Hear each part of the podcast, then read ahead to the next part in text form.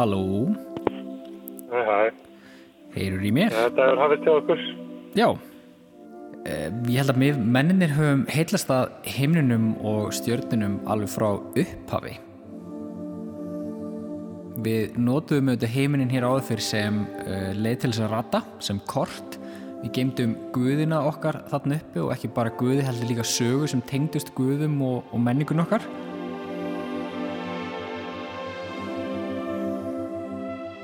Við sáum annars slæðið líka tunglið blasa við með sínu uh, gráa og svarta landslægi og bjarta punkta sem reyku um heiminn og gáfum nöfn guðun okkar og kvöldum plánutur.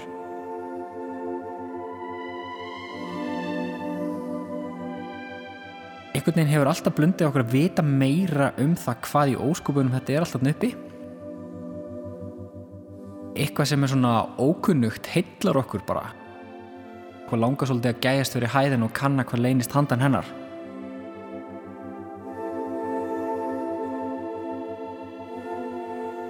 Þessi áhugi smitast alveg öruglega meðal flestra í einmitt gemferðir og, og hérna, svona einhvern ævintýra þrá sem hefur blundað í okkur frá bara upphafi.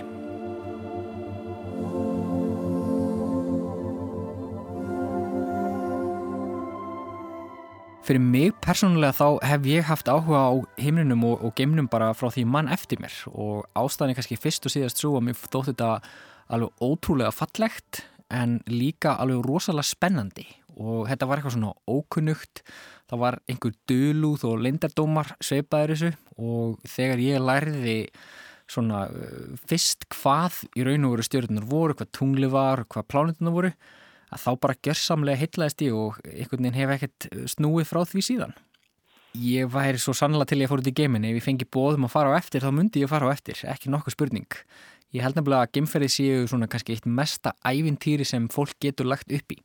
Það er rosa hættulegt og þú þarfst að reyða þig gjörsamlega á tækjabúnaðin sem þú ert innan í uh, og því það verði algjörlega gagvart öllu því sem er að reyna að drepa þig í geimnum en þrátt fyrir það þá held ég bara upplifunin að fyrstalega sjá jörðin og fjarska og fá jafnvel að heimsækja annan nött eða eitthvað slíkt að það er svona já, tilugsin sem að ég myndi svo sannlega stökkva og hef ég fengið tækifæri til þess.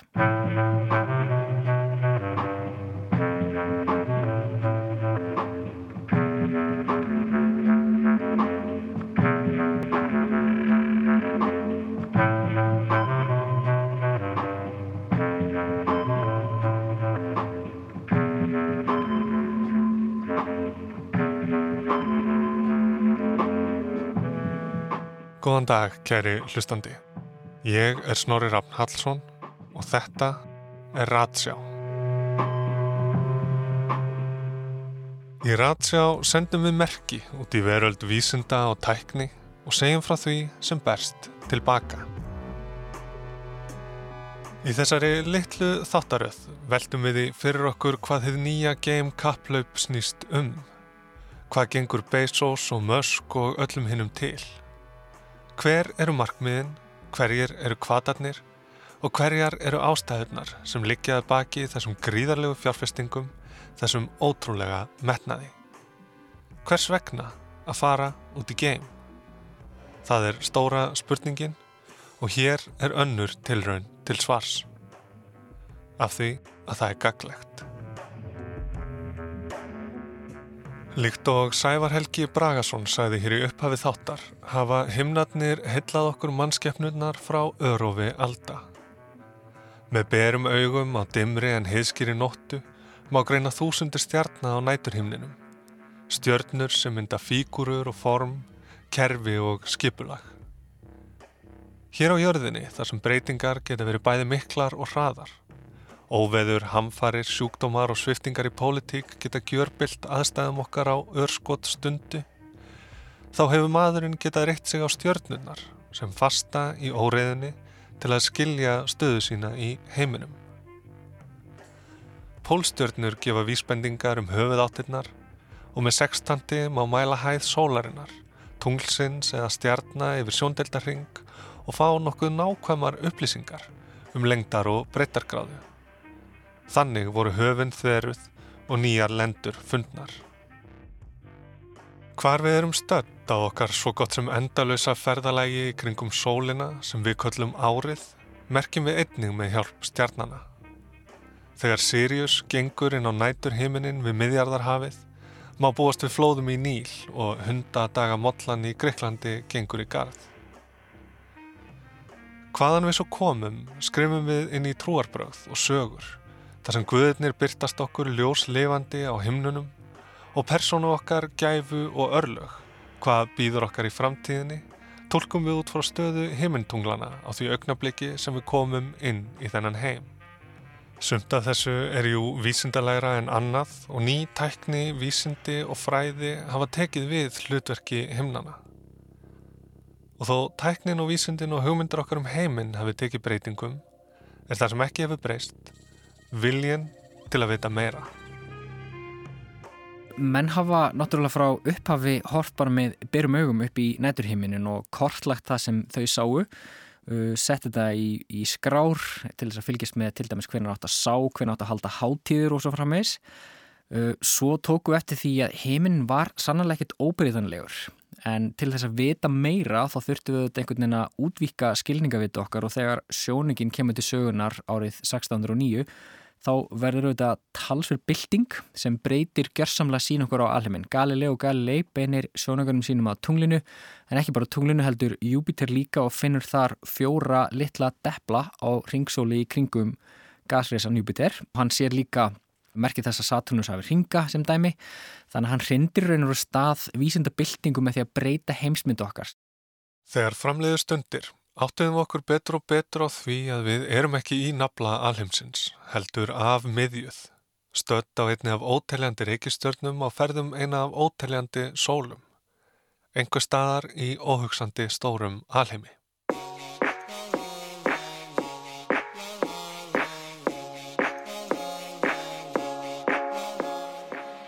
Kanaríegar eru vinsæl áfangastæður ferðamanna en í hlýðum Rock de los Muchachos á eiginni La Palma er nokkuð annað sem trekkir fólk að. Í fjalls hlýðunum eru aðstæður til stjörnu aðtugana með þeim allra bestu og í 2400 metra hæði við sjávarmáli má finna tugi sjónauka af ýmsum stærðum og gerðum. Þar á meðal er sá stærsti í heiminum þegar þetta er sendt út, Gran Telescopio Canarias sem er tilt ofar skíunum og er eins og gluggi út í víðáttu gemsins. Það er í raun og veru tvent sem hindrar að hefur áhrif á aðtöfunni frá jörðinni. Það er annars vegar staðsetning, hvar þú átt að vera. Frá yfirbóri jarðar þá er útsinnið okkur út í alheimin alls ekki mjög skýrt vegna þess að við erum að horfa í gegnum þygt andrumsloft sem er á stöður í reyfingu og fólk sér það kannski byrtast best í því að stjörnuna tindra á himnunum og reyndar finnum við líka bara fyrir því þegar við setjumst upp í flugvel og, og, og það er ókýrð í loftinu. En þessi ókýrð veldur því að útsýna okkar út í alheimin er frekar óskýrt. Þannig að með því að fara út fyrir gufukvolvið þá höfum við loksis kristaltæra sín á alheimin en hins vegar er það því verið keift að sjónungar geti ekki orðið jafn stórir.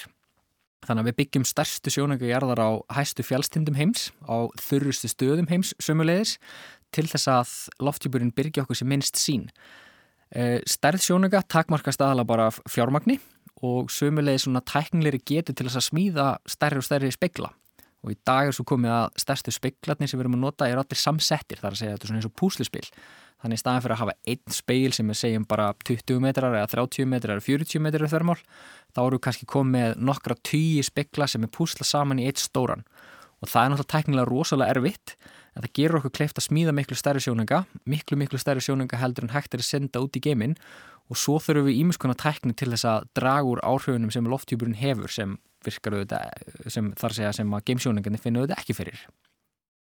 Við komumst fyrst yfir þessa hindrun með Hubble sjónunganum á tíunda áratug síðustu aldar. Hubble sjónungin kann að hljóma stór. Hann vegur 11 tonn er á stærð við strætisvagn og samnspeillin er 2,4 metrar í þvermál. En í þessu samhengi, þar sem hortir á fyrirbæri í miljardar ljósára fjarlægð til að svara spurningum sem eru heldur ekki af minni gerðinni, hver gamall er alheimurinn, hversu rætt þenstan út, þá er höfbúl í raun bara agnar smár. James Webb sjóningin hins vegar, hann er á starfið tennisvöll cirka og samspeilin í honum er cirka 6,5 metri þörmál. Þannig að hann er miklu, miklu starri. Í raun og veru er hann með hundrafalt starra flatarmál heldur en uh, Hubble og getur þar landi greint. Já, hann er, mætti alveg segja að hann sé hundra sinnum betri heldur en Hubble að þessu leitinu til. En Hubble er já, hann er tiltöla lítill og sjóningarnir sem við erum að smíða í dag eins og ELT sem er Extremely Large Telescope og verður tekinn nótkunn sent að þessum áratug að hann er 40 metrar þermál og þá samanstendur hann af já, nokkur hundru speklum sem að mynda eitt stóran 40 metrar breiðan sapspeil. Og það er raun og raun þessi getur okkar til þess að rannsaka alveg utan um gemnum sem gera það að verkum að við getum aflað miklu miklu betri gagna og við getum sömu leiðis skingst lengra aftur í tíman og þar leðandi í séð alheiminn meiri smáatröðum heldur nokkur sinni fyrr. En það sem breytir líka öllu er að sjálfsögja gemferðina sjálfar. Það geta sendt þjarka, vélminni eða robota til annara uh, natta, lenda á tunglinu, heimsækja plánundu solgjörusins og halda áfram að kanna netti sem lengst af hafa verið alveg fullkomlega óþekkenleir í raun og veru hlutir eins og smástyrni og halastjörnu til dæmis sem byrtust upp úr þurru á heimninum.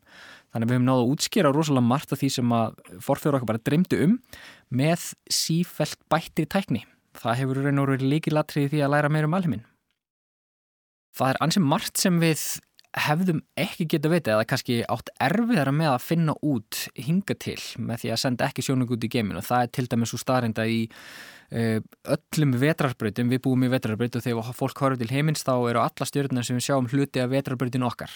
Og vetrarbröytin okkar bara ein af já, nokkur hundruð miljardum öðrum slíkum vetrarbröytum og eitt af því sem Hubble-sjóningin hefur kent okkur til dæmis er að í hverju og einni þeirra er risasvartul í miðinni og reysasvartul í miðinni hefur einhver og mögulega afgerandi áhrif á þróun vetrabröyti og þar alveg endi uh, tilur til dæmis lífsins hefur áhrif á, á lífi og jörðinu og svo framvegis en það er kannski svona fyrir einhver óbein tengslar á milli. Uh, við ættum erfiðara með að rannsaka fjarlægustu fyrirbærin í alheiminum, eldstu stjórnuna sem dæmi, að því að það bara þarf að komast út fyrir áhrif lofttjúpsins til þess og svo ættum við líka erfiðara um vika að greina betur til dæmis landslag og, og fleira slíkt á öðrum hnöttum Þannig að það er eitt og annað sem við ættum erfæra með að rannsaka. Sumi leiðis eh, var erfæra fyrir ykkur leita reykistjórnum í öðrum sólkerfum og það er svona svo fátt eitt sér nefnt. En það er ekki bara fjarlæg og framandi fyrirbæri sem hægt er að skoða nánar utan úr geimnum. Það er ekkit síður mikilvægt líka fyrir okkur þegar við skjótum hlutum út í geimin og horfa aftur tilbaka, horfa niður og eitt af því bara mikilvægast sem geimvísindin hafa kent okkur er vöktun jarðar. Það er að fylgjast ennþá betur með loftjúpnum okkar, breytingu á gróðurfari, breytingu á vindakerfum og hérna, hafströmmum og fylgjast með því þegar náttúrhanfari er þessi stað til þess að auðvölda björgunar aðelum að aðtapna sig og, og, og, svo framvegis. Þannig að það er rosalega margt sem geimvísindi snert okkar daglega líf á þess að við vitum endal af því og jafnvel veltum því ekkert fyrir okkur tæknisamfélagið okkar væri allt öðruvísi ef ekki væri fyrir gemferðir. Þetta byrjaði fyrir alvöru með Apollo áalluninni. Þegar Kennedy setti markið á tunglið hliftan af stað einu stærsta tæknistökki síðari tíma. Á sjö árum fóru bandarikinn frá því að vera tæknilegur eftirbátur Sovjetríkjana á mörgum sviðum yfir það að koma fána sínum fyrir á tunglinu. Og eins og Kennedy sæði réttilega þá er geimurinn erfiður. Fengur NASA og ríkið því umboð til að virkja og fjármagna alla þá þekkingu sem gætt gert verkefnið mögulegt. Tilfinningin var svo að vísindi og tækni, ef þeim væri beitt með göfug markmiðað leiðarljósi, getur gert heiminn að betri stað leiðangur út í geiminn og sömulegis þróun og nýjum sjónungum og mælitækjum leiðir alltaf til framfara á öðrum sviðum. Og bara sem dæmi geti nefnt það að þegar uh, Marshipin Curiosity var sendur eða var í þróun öllu heldur þá þurfti að minga mælitæki sem er svona alla jafnir og kannski starfið amerískan kæliskáp niður í starf örpilgjóps eða jafnvel ennþá minna til þess að hann kæmist fyrir innan í uh, jæpanum sjálfum. Og þetta kallar á þróun á myndflögum sem greina ákveðina típu af ljósi og, og rafkerfi sem þarf að, að minka allverulega og þetta þá til dæmis að nýtast í fordleifa rannsóknum og, og nýtast í arfræðingum sem er að fara út í feltið, úti að rannsókum geta tekið jafnvel þessa þennan búna með sér uh, Ávextir gemferða eru bara mjög margir og það er alveg óhægt að halda því fram að gemferðir hafi bætt líf okkar á jörðinni dagstæðlega. Uh, GPS-tæknin er dæmum það, ger okkur klefta villast síður en við höfum gert. Veðurspár eru miklu, miklu nákvæmari, nákvæmari þökks í uh, geimvísundum. Uh, samskipti þjóða á milli, beinar útsendingar til dæmis frá olimpíuleikum eða, eða hérna, einhverjum íþróttaviðbörum eða hvað sem er. Allt er þetta til þess gert að auðveld okkur og gera lífa á jörðinni betra og að mörguleiti er þetta einmitt ávöxtur gemferða. Manngerðu gerfitunglun hafa leist stjörnunar af holmi. En svo er ímislegt annað sem reykjum á beint eða óbeint til NASA. Tempúrdínur, þráðlausar, borvélar, högdefandi, skósóla og rikssuguvélminni, svo fátt eitt sé nefnt. Svona hafa gemferða áallanir ekki bara veitt vísindunum byr undir báða vangi og aukið þekking okkar á alheiminum, heldur ítt undir og mótað nýsköpun og framþróun í daglegu líf okkar, í gegnum það fjármagn sem NASA veitir í þróun og rannsóknir. Svo ef við höfum einhverjar þarfir, hugmyndir eða langanir hér á jörðinni sem falla því sem NASA og aðrar gemferðastofnanir sækjast eftir, þá er hvaðinn sterkur fyrir fyrirtæki að mæta þeim. Geimurinn leynist í á fleiri stöðum í kringum okkur en maður hefði haldið. Við erum kannski ekki alveg komin í einhvers konar Jetsons veröld, þar sem allt er sjálfvirt. Bílarnir okkar fljúa og vinnan fælst bara í því að kveikja og slökkva á einni vél, en við búum samt á okkar eigin geimöld. Og þar skipta tölfur höfuðmáli þegar að Apollo áallunin var sett á laginnar þá þurfti NASA að kaupa alveg gífurlegt magna af tölvuflugum eða tölvuköpum frá IBM þannig að þar kom gífurleg innspytting af fjármagni inn í tölvugeran sem leiti í raun og til þeirra tækja sem við notum bara dagstæðilega í dag. Þú mingaði litlu uh, tölvuköpunum sem voru miklu miklu starri hér áður fyrr. Kostnaðurinn fór úr 1000 dólarum fyrir hverja flögu niður í 20 og reikningið það er að jógst til muna. Þetta er þróun sem annars hefði eflaust tekið 10 til 20 ár, ekki fjögur eins og raunin varð. Með því að fjármagna ódýrari, smerri og öflugri tölvukuppa rutti NASA braut tölvu byltingarinnar. Og þó NASA sé með höfustöðvar í Washington, fljúið frá Florida og stjórni öllu frá Texas, þá er gemveruleiki okkar oftar en ekki hugsaður upp í Kísildalum þangað sem peningar frá NASA og ríkinu streymdu. Með tilkomu engaðaríkina fyrirtækja í geimferða yðnaðinum á borðið SpaceX hefur þetta samband þó snúist við og það er ekki geimferðir sem móta Kísildalinn heldur öfugt. Kísildalurinn liggur við siðsta hluta San Francisco flóa í norður Kaliforníu. Hann drefur napsitt af Kísil hálfu leiðaranum sem er undirstaða allra nútíma tekni meira á minna og það er þar sem tölvuflagan var fundin upp. Það er því enginn förða að þangað hafi NASA sótt hugmyndir og tækni sem lágu á istu mörgum vísindana.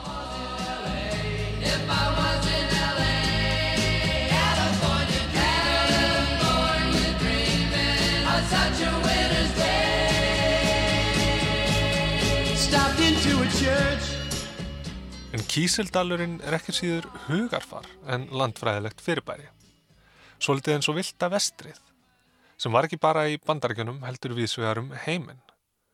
Og á báðum stöðum, ef staði skildi kalla, ríkir og ríkti algjört gullæði. Í Kísildalnum skiptir öllu máli að vera fyrstur og skeita helst engu um afleggingarnar leggja allt í sölunar. Farður hratt og skemdu hluti er fyrsta og eina bóðorðið. Þar er fólk óhrætt við að prófa sig áfram reyna fyrir sér á jæðarsvæðum og sjá hvort það dett ekki í lukkupottin. Mistakist þér er það líka í fínu lægi. Vonandi mistakst þér bara aðeins betur næst. Þetta er hugarfarið sem nú hefur hleyft eldi í geimferðin á ný og það er hér sem við komum aftur að þeim kumpanum Jeff Bezos hjá Amazon og Blue Origin og Elon Musk hjá Tesla og SpaceX aðal personum hins nýja geimkaplöps. Það er margt líkt með Bezos og Musk. Þegar við skildum við á síðast höfður báðir snúið baki við eðlisfræðinni og farið í business. Báðir grættuður á tá og fingri í netverslunarbilgjunni, Bezos með Amazon og Musk með Paypal og báðir hafa þeir háleitar hugmyndir um framtíð mannsins í gemnum og leggja allt kapp á að gera gemferðir ódýrari, örugari og aðgengilegri. En nálkun þeirra er gjör ólík. Bezos tengir sig inn í hefðina. Blue Origin vísar til upprun okkar hér á bláu plánitunni og eru flaugar fyrirtækisins nefndar eftir þeim bandarísku gemförum sem voru fyrstir til að ná helstu áfengum upprunalega gemkaplaupsins. New Shepard, New Glenn, New Armstrong. Bandaríkjamennir sem fóru fyrst út í game, fyrst á spórbögum jörðu, fyrst til tunglsins. Logo Blue Origin er fjöður sem taknar fullkomnun flugs en þar að auki er Blue Origin með skjaldarmerki sem kjarnar sín og aðferðafræði fyrirtækisins. Vangjað stundaglas segir okkur að tíminn sé að fljúa frá okkur. Seglskip á nattlíkani tengir gemferðir við landkunnunar leiðangra fyrir alda. Á smáum skildi fyrir miðju eru hæðartölur og sólinn og pláneturnar fyrir ofan setja stefnuna. En merkilegastar eru skjaldbugunar tvær sem tegja sér til himna og latneska slagorðið gradatim ferociter, skref fyrir skref af ákafa. Ef þú ert að búa til faratæki sem flýgur, segir Bezos, er ekki hægt að stitta sér leið. Það er tálsýn að hægt sé að flýta fyrir hlutunum. Þú verður að taka eitt skref í einu, en þú vilt gera það af ákafa. Og eins og skjaldbakan úr dæmisögu Esops er Blue Origin ekkert að flýta sér. Hægt er lipurt og lipurt er rætt. Hægt er lipurt og lipurt er rætt. Blue Origin var stopnað árið 2000 en fyrstu þrjú árin vissi nánast engin af tilvistess. Í leini flög Blue Origin fyrstu flögsinni upp í 100 metra hæð og lendi henni aftur. Lítið skref fyrir Blue Origin, lítið skref fyrir mannkinnið. Flögin fór svo herra, en aldrei fyrir hvert einasta þrep hafði verið prófað ítrekkað. Logs fór Bezos sjálfur út af mörgum gemsins í júli árið 2021. Stort stökk fyrir Bezos, stort stökk fyrir mannkinnið. En skjaldbakan getur ekki án hérans verið annars er engin saga.